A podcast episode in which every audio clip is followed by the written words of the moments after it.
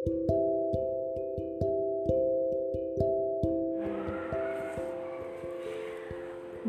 orang yang alergi dengan kesendirian, merasa tidak nyaman, bahkan menyedihkan. Sendiri itu identik dengan kesepian yang menakutkan.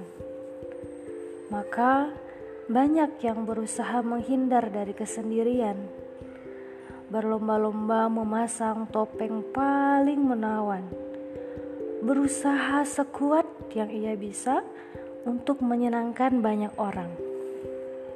Hingga ia tak lagi pernah dengarkan kata hati sendiri.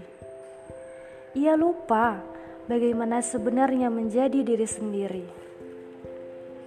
Tapi terkadang kita lupa bahwa dalam sepi sendiri ada telinga yang dapat lebih mendengar. Ada hati yang dapat lebih merasa juga terasah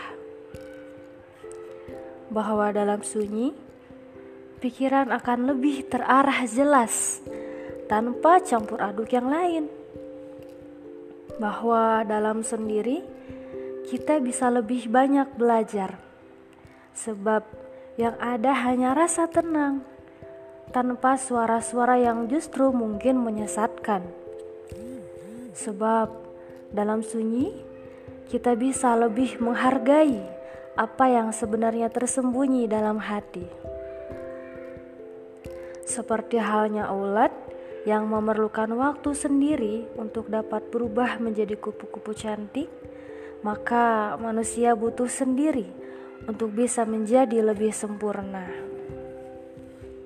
Maka bagiku, sendiri adalah teman yang memberitahuku siapa aku yang sebenarnya saat aku lepas dari tatapan dan anggapan manusia yang tak pernah bisa terpuaskan.